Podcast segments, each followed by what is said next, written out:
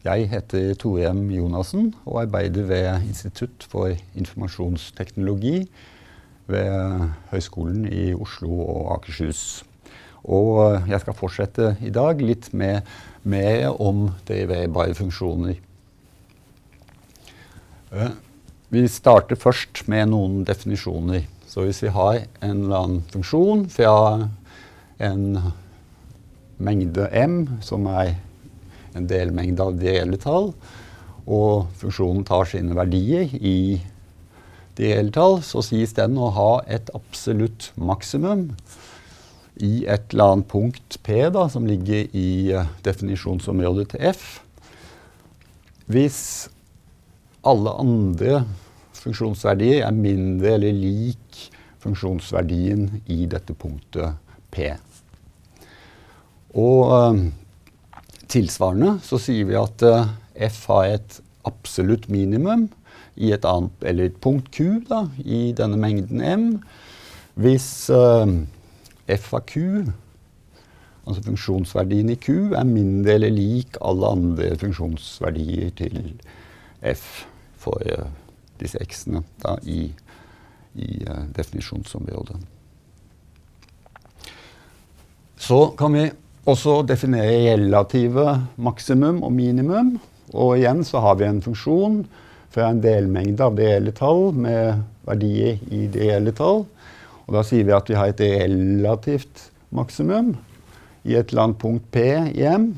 Hvis det fins et åpent intervall I, hvor P ligger i dette intervallet, slik at funksjonsverdiene til F er mindre eller lik funksjonsverdien i P for alle x i snittet mellom dette intervallet og mengden M. Og eh, tilsvarende så kalles da Q. Og igjen så har vi da annen, et åpent intervall i, hvor Q er inneholdt. Slik at uh, funksjonsverdien i Q er mindre eller lik funksjonsverdien til f av x for alle x-er i snittet mellom uh, intervallet og m. Det er da et relativt minimum. Og et punkt da, som enten er et relativt maksimum eller et relativt minimum, det kaller vi for et ekstrempunkt for funksjonen f. Og for å se på en figur, da, så ser vi at uh, funksjonsverdien her ja, den ligger over alle andre funksjonsverdier, hvis vi lar dette være m. da.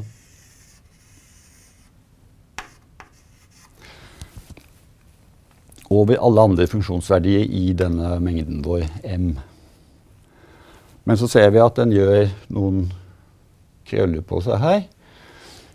Og ja, her sånn så har vi da et relativt maksimum, fordi at vi kan velge et eller annet intervall om punktet her, slik at uh, funksjonsverdien i dette punktet her ligger over alle andre her sånn. Og dette punktet her er da et relativt minimum, for vi kan velge et intervall her også, og da ligger funksjonsverdien her under alle andre i dette intervallet. Så kommer vi hit. Jeg har latt den gå gjennom null her, da. Og vi ser det at funksjonsverdien her ligger under alle andre funksjonsverdier for denne funksjonen vi har tegnet. Slik at uh, dette er da et absolutt minimum for funksjonen. Og så ser vi på det punktet her. Da kan vi velge et eller annet intervall.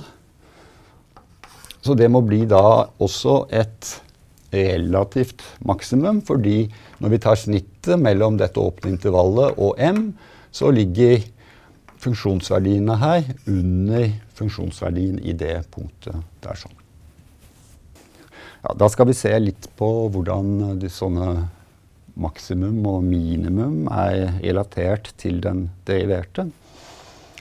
Og da har vi et teorem som jeg eh, ikke skal eh, bevise her, men som jeg skal uh, fortelle hva inneholder. Så hvis vi har en uh, funksjon f som er definert på et åpent intervall i, av det reelle tall, og at vi har, eller f har, et relativt maksimum eller minimum i et punkt P i dette intervallet, så er det slik at hvis den deriverte av f eksisterer i et sånt relativt minimum eller maksimum, så er den deriverte av uh, f i punktet p lik null. Men uh, man kan merke seg at det motsatte gjelder ikke. Altså det, holder, det, er ikke slik at vi, hvis vi har den deriverte lik null, at vi kan trekke den konklusjonen at at det er et relativt maksimum eller minimum. Og vi kan se på og lage oss et eksempel. da. Og vi kan lage oss en eller annen funksjon som er definert på det åpne intervallet fra minus 1 til 1 inn i R ved ja, Vi kan sette f av x lik x i uh, tredje. Og da vet vi at f derivert av x Dette jo, har vi sett på før. Den er lik 3x i annen. Så det betyr altså at, at f derivert i uh, null er lik null. Men uh, hvis vi nå ser på grafen til denne her, så Så starter vi altså med i minus 1, så blir minus 1 i tredje det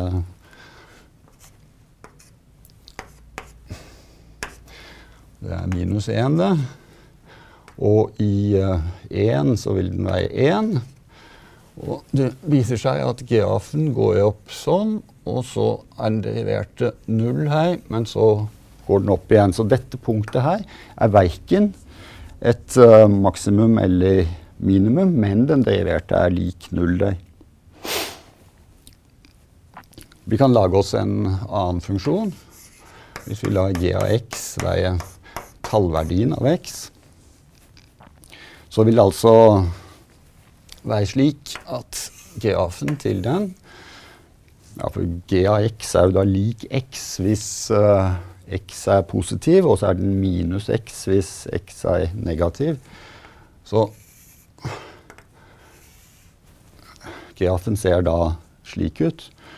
Og her er det klart at vi har et absolutt uh, minimum i null, men den deriverte eksisterer ikke i dette punktet. Så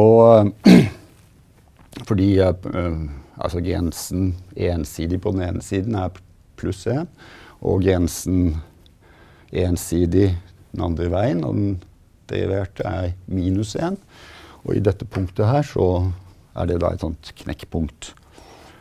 Ok. Så kan vi se på et, uh, et lite teorem, da. Vi uh, antar at vi har en funksjon f som er driverbar i et punkt P. Og da vil det finnes en funksjon xi, har jeg kalt den her slik at uh, hvis vi gir P et lite tillegg, enten i positiv eller negativ retning, så er det lik funksjonsverdien i punktet P pluss den deriverte i punktet P ganget med tillegget H pluss denne funksjonen xi av H ganget med H. Og denne xi-funksjonen den har da den egenskapen at hvis vi ser på grenseverdien når h går mot null, så blir grensen i null av denne xi også null. Og det er relativt uh, greit å bevise, da, så jeg skal gjøre det.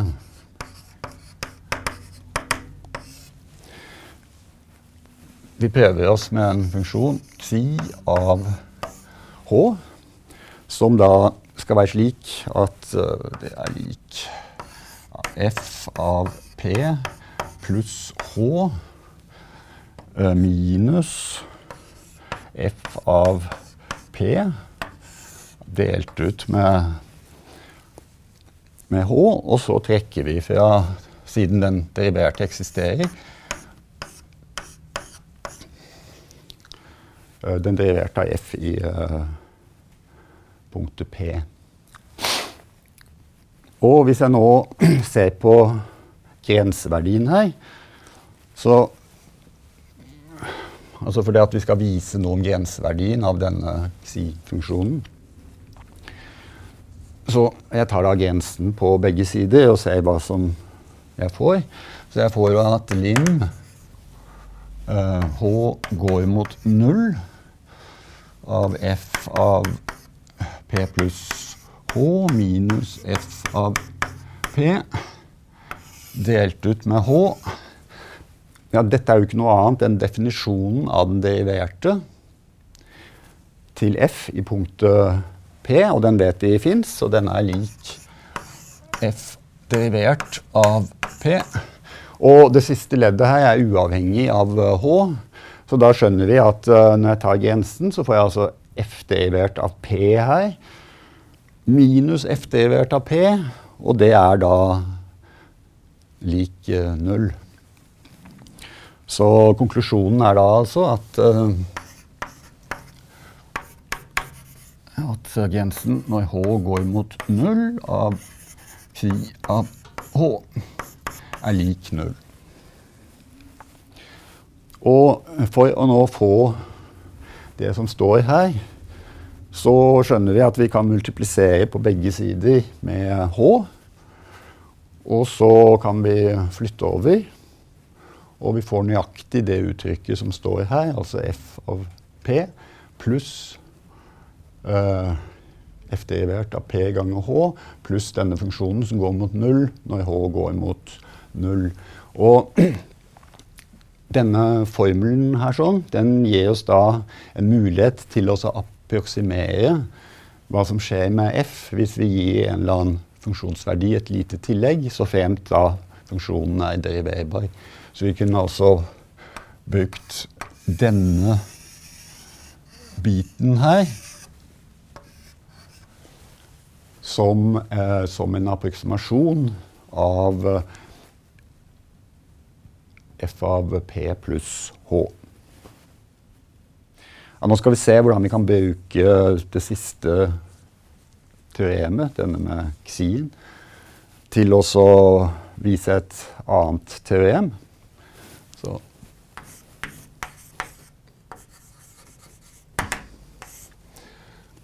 Så hvis vi har en funksjon f er deriverbar.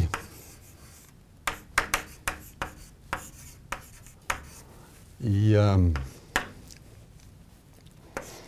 i uh, ja, kan ta x. Lik p, så er f kontinuerlig.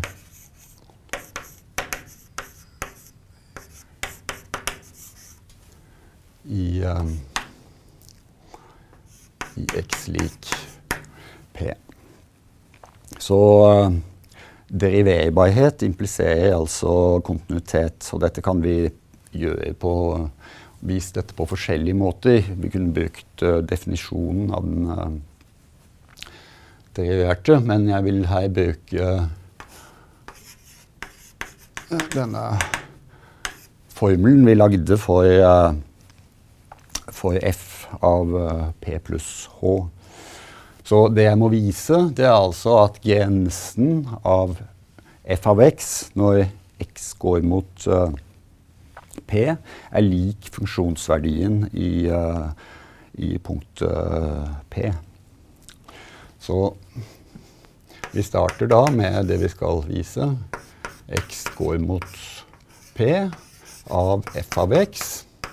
Ja, det må jeg få lov til å skrive som grensen av f av p pluss h når h går mot null. Men uh, det vet vi jo fra det forrige teoremet vi hadde. Og dette være grensen når H går mot null av uh, Det var F av P, og så var det pluss F derivert av P ganger med H, og så var det pluss denne xi av H ganger med H. Sånn. Og når H går mot null her, av den deriverte eksisterer, så det er et eller annet uh, tall, og når vi ganger med H og lar H gå mot null, ok, så går den biten der mot, mot null. Og denne går også mot null, vet vi. Så resultatet er altså at dette er lik f av f av uh, p. Og det er nøyaktig det det betyr. At f er kontinuerlig i x lik p.